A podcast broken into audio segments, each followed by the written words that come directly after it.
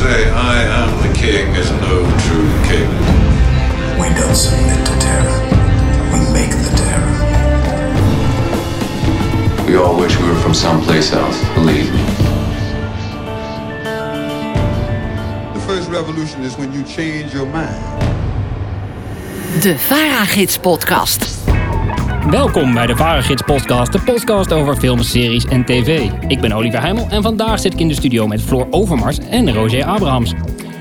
Roger, ik eh, begin even met jou. Waar moeten we deze week absoluut naar kijken volgens jou? Uh, nou, waar je inderdaad al naar had kunnen kijken, uh, uh, en ik wil het dan hebben over de aflevering die de komende zondag op televisie is, is Chinese Dromen. Ah. De nieuwe reisdocumentaire serie met Ruben Talau. Die kennen we van langs de oevers van de Yangtze en door het hart van China. En hij, um, hij, we hadden hem twee weken geleden ook in het grote interview in de Varegids door Annemart van Ree, waarin hij vertelt dat dit een, een serie is met een iets andere opzet. Dus geen eh, geografische lijn meer die hij wilde volgen, zoals die rivier. Uh, maar hij wilde nu meer uh, gaan focussen op de mensen in China. Dus China is een land dat al jaren in een ongelofelijke transitie is. En hij wilde. En heel veel mensen kent. dat heel veel mensen kent, dat klopt. Hoeveel eigenlijk? 1, hoeveel miljard? Of gewoon één? Of, we zoeken het op. Dus we gaan het opzoeken. Uh, nou ja, uh, hij heeft een paar van die mensen eruit gepikt. Uh, en dat doet hij heel goed in deze serie extra. Um, ja, die heel bijzondere verhalen te vertellen hebben. En waardoor je uh, te weten komt hoe die veranderingen uh, van invloed zijn op hun leven. En wat ik daar hier, hier heel leuk aan vind. Uh, dus ik heb de eerste aflevering gezien. die ging over de één-kind-politiek. Die is inmiddels alweer afgeschaft. Maar nou ja, hoe het nieuwe opvoeden in een nieuwe China. En ik was ja, ik was verbijsterd door een kinderinternaat waar hij op bezoek ging. En er was dan ook een meisje dat kwam tegelijk met haar aan en haar moeder. En, en, en dat meisje wist niet dat ze daar een jaar zou gaan verblijven in dat huis. Dat had haar moeder net voor de deur verteld. Maar ja, hier, hier ga ik je trouwens achterlaten voor een jaar. En uh, nou, toen een vervelend gesprek volgde. En toen ging het meisje haar inschrijvingsformulieren uh, invullen. En toen peerde haar moeder hem zonder afscheid te nemen. Nou, best bizar natuurlijk. Maar waar, ik miste heel even, waarom werd ze achtergelaten? Slechts voor een jaar? Ja, dat had ik niet verteld. Omdat eigenlijk dit gewoon een, een, een kleine anekdote was. Waar ik misschien niet mee, mee had moeten beginnen over de vorige aflevering. Uh, maar waarom? Het is een soort heropvoedings... Uh, ja, okay. uh, uh, ding. Swish finishing school. Maar het, dan meisje, op het meisje ging niet naar school. Dat was de reden. En onder andere omdat haar vader haar sloeg. En ja, het gaf mij zo'n inkijkje in ja, het, het land China. Waar ik toch, ik denk zoals heel veel Nederlanders, helemaal niets van weet. En dat doet deze serie, dat doet hij dan toch ook maar weer. En ik heb de, de aflevering die, die, die zondag op televisie te zien is uh, uh, gezien, heb ik mogen, mogen kijken. Ja, wat ik hier ook weer heel tof aan vind, is dat inkijkje in dat, uh, in dat echte China. Dus wat de echte Chinezen bezighoudt. En het, het gaat wat verder van de politiek af. Ik bedoel, um, en waar is hij? Want is hij in Beijing of is hij Nee, hij is nu in een uh, gebied waar ik nog nooit van gehoord had, namelijk het Liangshan-gebergte in het zuidwesten van China. Daar woont een bergvolk, de Yi. Nou ja, ik had nog nooit gehoord van de Yi, dus dat vond ik een hele verrassing. Ik denk dat ik toch ergens denk, ja, alle Chinezen zijn hetzelfde. Zo, je hebt gewoon 1 miljard van precies dezelfde Chinezen. Nou, dat is natuurlijk, helemaal, is natuurlijk helemaal niet zo. Um, nee, nee, Roger, dat nee, is, dat is zo. helemaal niet zo. Ik weet nu dat de Yi een van de 56 officiële etnische minderheden zijn in China. Dus maar 0,6% van de bevolking. Maar ja, dat betekent in China wel dat er 9 miljoen mensen van zijn. Nou, dat is gewoon enorm volk. Ik bedoel, hier heb je... In Europa zou dat gewoon een eigen land zijn. En hier heb je wel Catalonië, waar 5 miljoen mensen wonen. Nou ja, daar 9 miljoen. En um, nou, het verhaal van, het, van, van de Yi is dat uh, dat een bergvolk was. Dat uh, uh, land bouwde en in de bergen leefde. En zonder sanitaire voorzieningen, zonder de nieuwe tijd, zo gezegd. En pas sinds het ontstaan van de Volksrepubliek, sinds 70 jaar, zijn er ook Han-Chinezen gaan wonen. Die, die Mhm. koloniseren min of meer dat gebied, zoals je dat ook wel eens hoort van Tibet. Um, nou ja, dus nu kunnen kinderen eindelijk naar school. En de president uh, Xi Jinping die heeft het doel om de armoede uit te bannen. Ook daar. En er is nogal wat armoede. Kinderen leren Han-Chinees, terwijl ze hebben een eigen taal. Er worden nieuwe huizen gebouwd met die wel voorzieningen hebben. Bijvoorbeeld niet lekkende daken, dat soort dingen. Want de Yi wonen oorspronkelijk in leme hutten. Echt zo'n volk. Uh, nou ja, maar ze hebben een eigen cultuur. En uh, ja, dat levert botsingen op. En dat laat hij heel mooi zien. En er is één scène die ik uh, fantastisch vond. Want er zit een ritueel in, jongen. Uh, en uh, het is dus een, een soort shamaan. Die, dat is dan een bimo bij die. en, en Ruben Tolau is, is in een hutje waar dan zo'n shamaan, twee shamanen, een oude en een jonge Bimo, die leiden dat ritueel.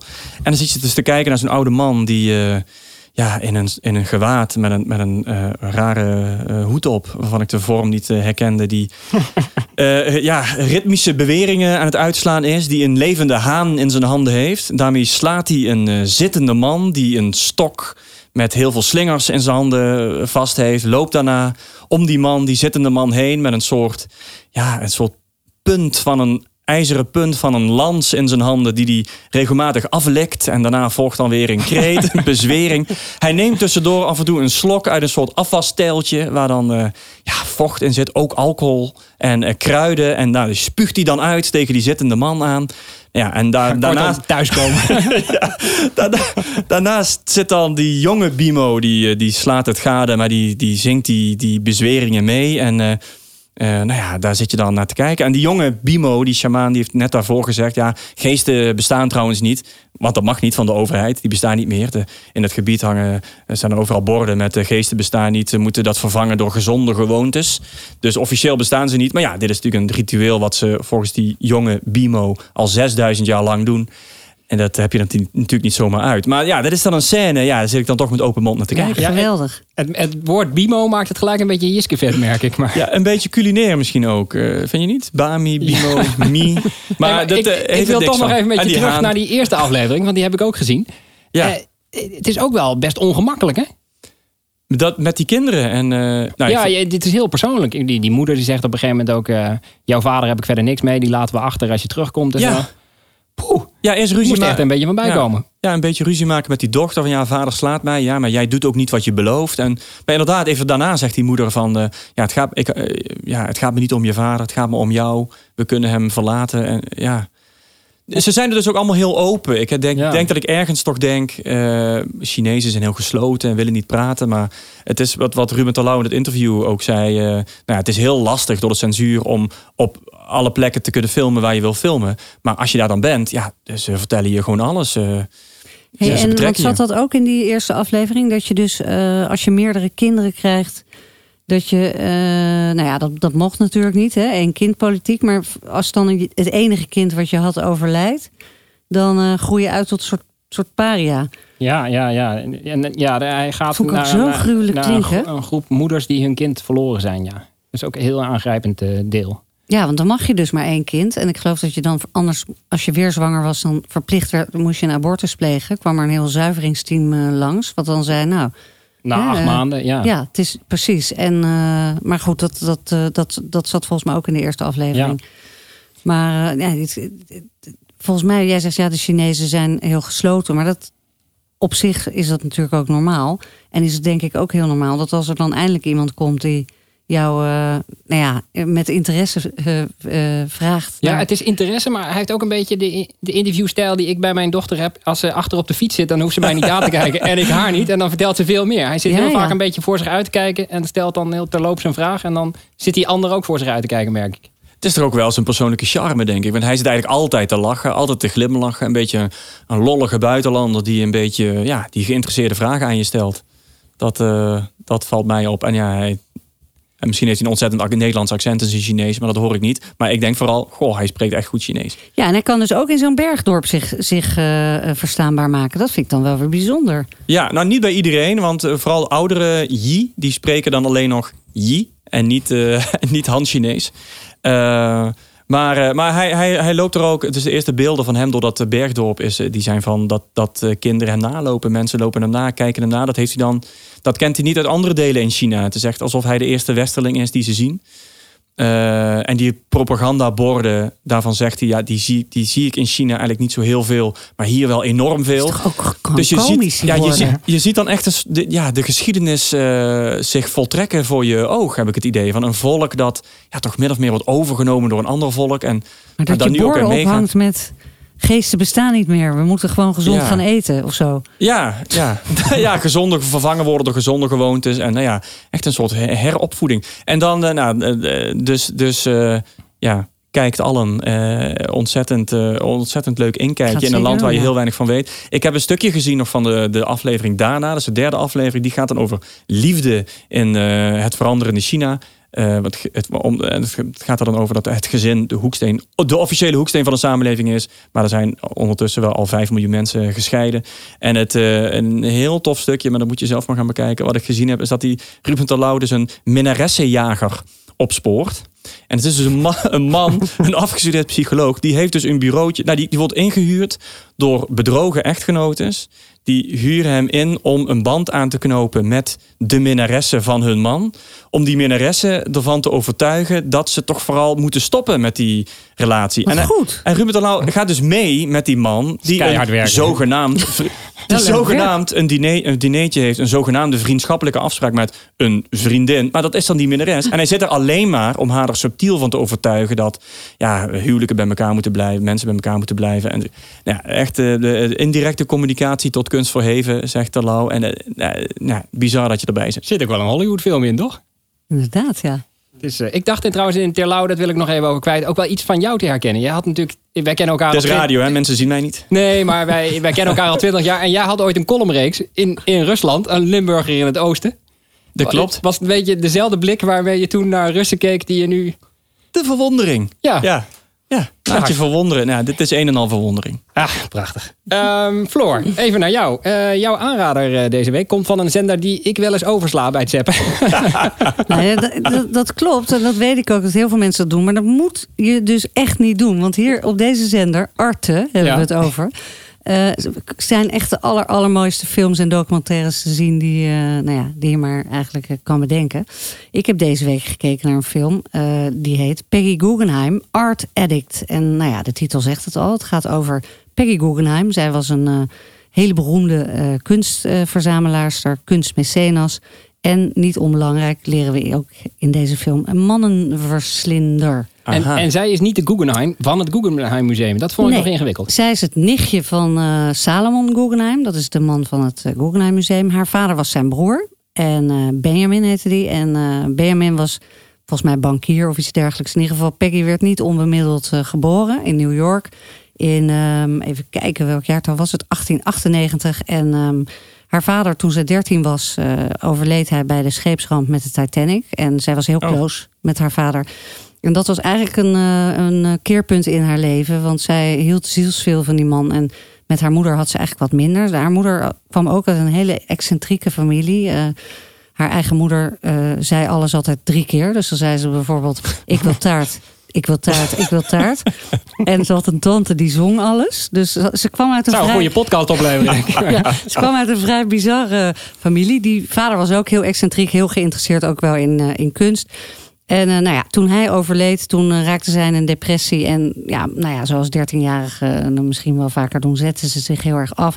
Ze had nog twee zussen die een stukje knapper waren. En nou ja, uiteindelijk is zij best excentriek geworden. En besloot ze op haar twintigste om naar Parijs af te reizen. Om daar, ja, wist ze zelf ook niet precies, maar in ieder geval een spannender leven op te zoeken.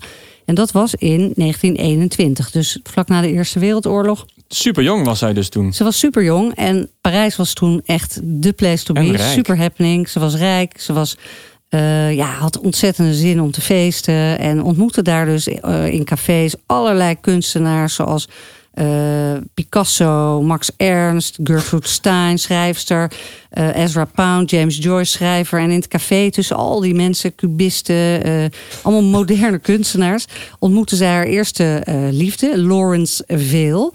Hij was schrijver en kunstenaar en schilder. En daar eh, trouwde zij ook mee. Maar met deze Vail eh, kreeg zij eh, twee kinderen. Maar hij was een eh, zeer opvliegende man. Hij heeft haar een keer proberen te verzuipen in het bad. En hij Jezus. smeerde haar haar vol met jam. Ja, dat las ik in de Varagids. Ja. Ja, dat stond in het de- stuk De inderdaad. twee zinnen die me zijn bijgebleven. Jam in haar haar en dat ze tot op hoge leeftijd hield van uitbundige seks.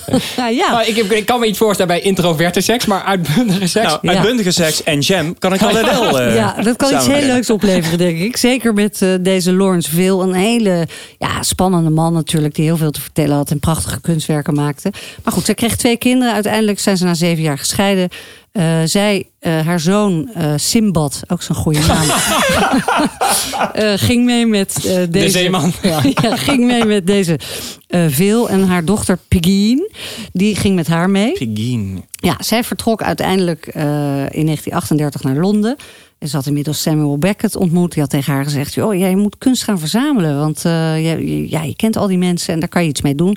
En wat ook zo was, zij betaalde haar man, haar ex dus, betaalde zij altijd nog een soort toelage. Zij onderhield hem eigenlijk. Nadat ze uit elkaar. Ja, nadat ze, en nadat hij haar met jam had ingestuurd. dus dat was best wel. eh, maar dat gaf haar ook een zekere macht. Omdat ze dus toch. eh, Ja, hem. Hè, dan kon ze zijn kunst toch nog kopen. En, eh, want hij, anders zei ze gewoon: ja, als jij je spullen niet geeft, dan eh hou ik mijn geld in. Dus eh, Beckett had dat gezien. Daar ging ze ook mee naar bed natuurlijk. En die, eh, die zei, eh, jij moet het gaan verzamelen. Nou, dat is toen heel helemaal omhoog echt opgekomen. Ze is naar Londen verhuisd. Ze heeft daar een galerie geopend. Nou ja, dat ging allemaal fantastisch. In de oorlog, alle Joodse mensen... die wilden natuurlijk hun kunst uit Europa wegloodsen. of in ieder geval uit Parijs, waar zij dan vaak kwam. Zij heeft dat helemaal geregeld. Dat was allemaal heel spannend. Want dat kreeg ze natuurlijk het land niet uit. Maar dan had ze weer een man ontmoet. En die verpakte dat dan als huisraad in allerlei dekens en eh, gekke kisten. En kon ze toch nog eh, naar Londen. Terwijl dus, ja, je weet zelf, eh, hè, allemaal oerboten, levenslink. Al die kunst had zomaar op de bodem van de zee kunnen eindigen. De kunst die zeg maar nu in het Guggenheim eh, hangt. Maakten ze nog misbruik van de situatie misschien? Ik bedoel, ik kan me voorstellen, wanhopige arme kunstenaars... die zijn misschien bereid om hun kunstwerken voor belachelijk lage bedragen te eh, ja, verkopen. deze misschien? ook. Ja, dat klinkt wel heel hard. Want ze, dat deze, maar wat ze ook deed was gewoon met die mannen naar bed. Hè. Dan zei ze van, eh, ja, Als, ja, als soort wisselgeld. Van, nou ja, als jij lekker met mij naar bed mag, dan mag ik dan jou... eh, Bij Brancusi heeft ze dat bijvoorbeeld ook gedaan. Dat ze een heel mooi kunstwerk van in gedachten... wat ze al heel lang haar oog op had. Maar hij had zoiets van, nou, dat verkoop ik niet aan je. Maar uiteindelijk ja, moest hij natuurlijk in de oorlog ook eh, vluchten.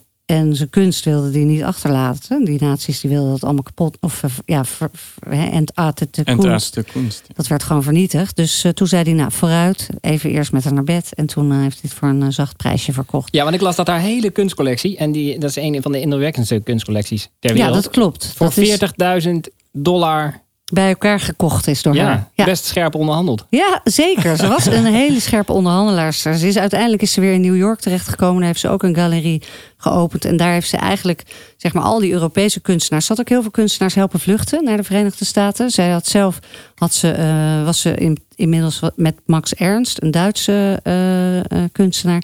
had ze ook helpen vluchten naar de Verenigde Staten. En daar heeft ze weer een galerie geopend, samen met deze Ernst eigenlijk... En daar heeft ze dus, ja, eh, moet ik even kijken hoe al die prachtige kunstenaars heten. Ehm, heeft ze eh, ehm, Jackson Pollock heeft ze daar ontmoet. Mondriaan zat daar ook. Ehm, even kijken hoor. Nou, ik, zie, ik zie die namen nu niet allemaal. Maar in ieder geval, ze heeft daar de, eh, zeg maar de, de, de buitenlandse kunstenaars, dus Europese kunstenaars, heel erg verbonden met die van Amerika. En daar, dat werd enorm in New York. Dat was eigenlijk de eerste echte, echte internationale kunstgalerie. En ook voor vrouwen. Ze zetten daar ook een, eh, een eh, 31 vrouwen liet ze daar exposeren. Nou, dat was ook nog nooit eerder vertoond. Max Ernst had ze allemaal voor de bezocht. Ja, Ar- Oh ja, Max dat las Ernst, ik ook. eh, dat staat ook in de gids inderdaad. Die, eh, ja, het was natuurlijk heel naïef van haar. Die, eh, hij, zij zei, nou ga jij dan maar... Max Ernst, ik heb hem even gegoogeld, was een hele mooie man. Zij zegt zelf in de documentaire ook, hij had een fantastisch lichaam. En het was gewoon, ja, eye candy. En elke vrouw viel voor hem. Nou, dat wist Max Ernst zelf ook. En Peggy had dan gezegd, ga jij dan eh, op zoek bij al die vrouwelijke kunstenaars... en dan moet jij proberen dat ze bij ons in die galerie komen eh, exposeren. Waardoor Max Ernst, geloof ik, echt met elke, elk van die vrouwen naar bed is geweest. En dat was een leuk detail wat er in die gids stond. namelijk één kunstenares, die was niet thuis. En dan stond er, maar haar werkster wel. Dus nou ja, dat, Max nam het ervan. Hele nieuwe definitie van beroepsernst. Eh, Ja. Maar jij hebt de documentaire gezien, ik niet. Wat voor beeld kreeg je van die vrouw? Was het een leuke vrouw? Nou, het is een heel fascinerende documentaire. Want dat vergat ik eigenlijk te vertellen in het begin. Eh, deze documentaire bestaat eigenlijk uit eh, archiefbeeld natuurlijk, heel veel. Maar in het begin, ja, als ze nog heel jong is, eh, uit de jaren, zeg maar, begin 19e of begin 20e eeuw bestaat weinig beeld van.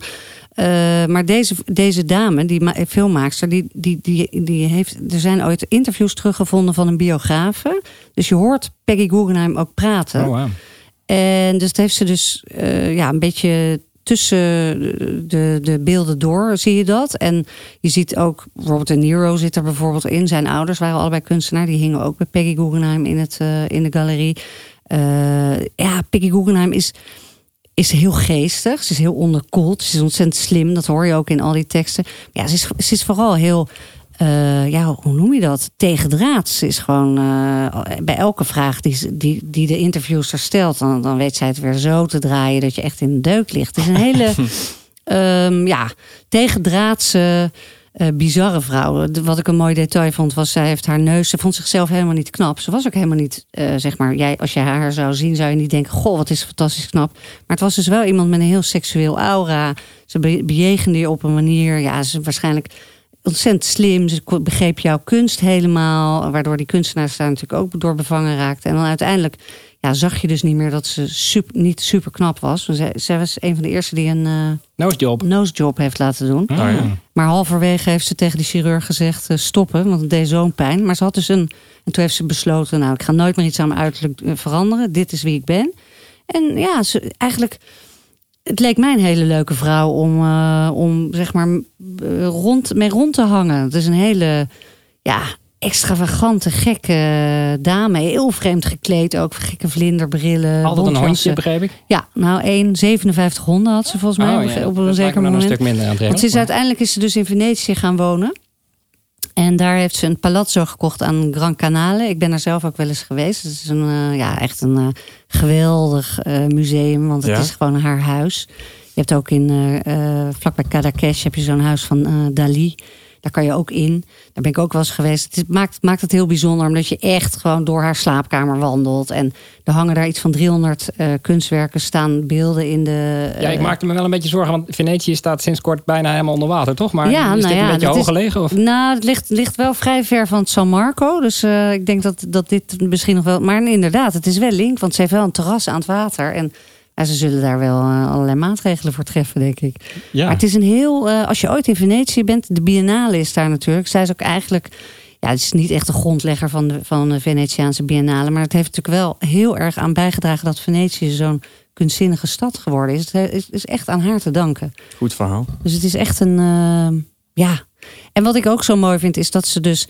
Kijk, iedereen denkt, ah, Peggy Guggenheim, enorme haai die rijk wilde worden. Maar zo zat het eigenlijk niet. Want zij ja, had wel veel geld. Maar zij probeerde gewoon eigenlijk ook. Ze had bijvoorbeeld eh, Jackson Pollock.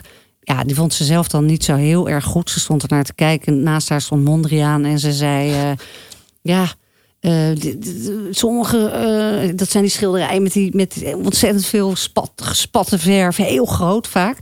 En zij keek ernaar en ze zei dus tegen Mondriaan: Ja, sommige mensen hebben totaal geen zelfdiscipline, hè? verschrikkelijk. En Mondriaan die bleef stil en die zei: is het beste wat ik ooit gezien heb. Dus soms zat ze er ook naast. En toen, hè, dan sloeg ze wel meteen toe. En dan zei ze, wil jij mee? En dan, eh, die Pollock had ze ontmoet in, eh, bij het, het eh, museum van haar oom. Die stond daar op ladders. hij was eigenlijk timmerman. Dus had ze, daar had ze hem leren kennen. Hij had, hij had gezegd, ja, ik schilder. Had ze Mondriaan meegenomen. Nou ja, zo deed ze dat dan. Via via kwam ze dan toch op de goede weg. Ze, nam, ze had heel veel adviseurs om zich heen.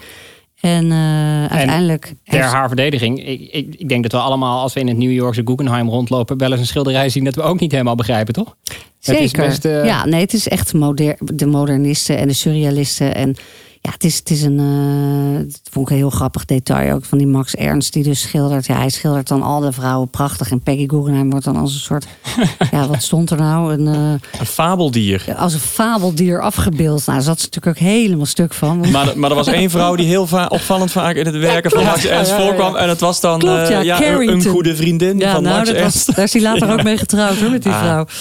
Maar goed, het is een, eh, ze deed dus niet alles voor het geld. Zij onderhield die kunstenaars ook. Ze betaalde Pollock bijvoorbeeld ook 300 dollar per maand. En dan kon hij een huis kopen in eh, Long Island. En dan kon hij... Het was een hele wilde kerel die alleen maar dronken was. En eh, nou ja, niks anders deed dan, dan zuipen en door de stad hangen. En dan deed zij dat en dan werkte die wat harder. En dan zo plukte ze toch haar vruchten daarvan. Maar ze wa- was altijd betrokken. En zonder haar ja, was zo'n man ook hoogstwaarschijnlijk eh, ja, niet ontdekt of niks geworden. Dus het is echt wel een. eh, ja, ze had echt een neus voor dingen. En ze was dus een.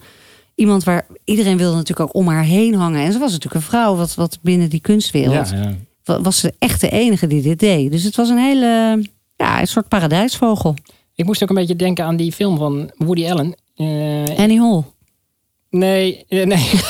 Oh, eh, nee, in Parijs ook. In die kunstscene. Ja, ik dacht, dat klopt. gaat eigenlijk een beetje Daar zat zij natuurlijk ook Ja. tussen. Dat speelde zich helemaal af met Gertrude Stein. En eh, ja, nee, de- dat was precies de scene met Sartre. En daar, daar, daar bewoog zij zich natuurlijk eh, tussen als een vis in het water. Eigenlijk ongelooflijk dat ik een week geleden nog nooit wat gehoord had.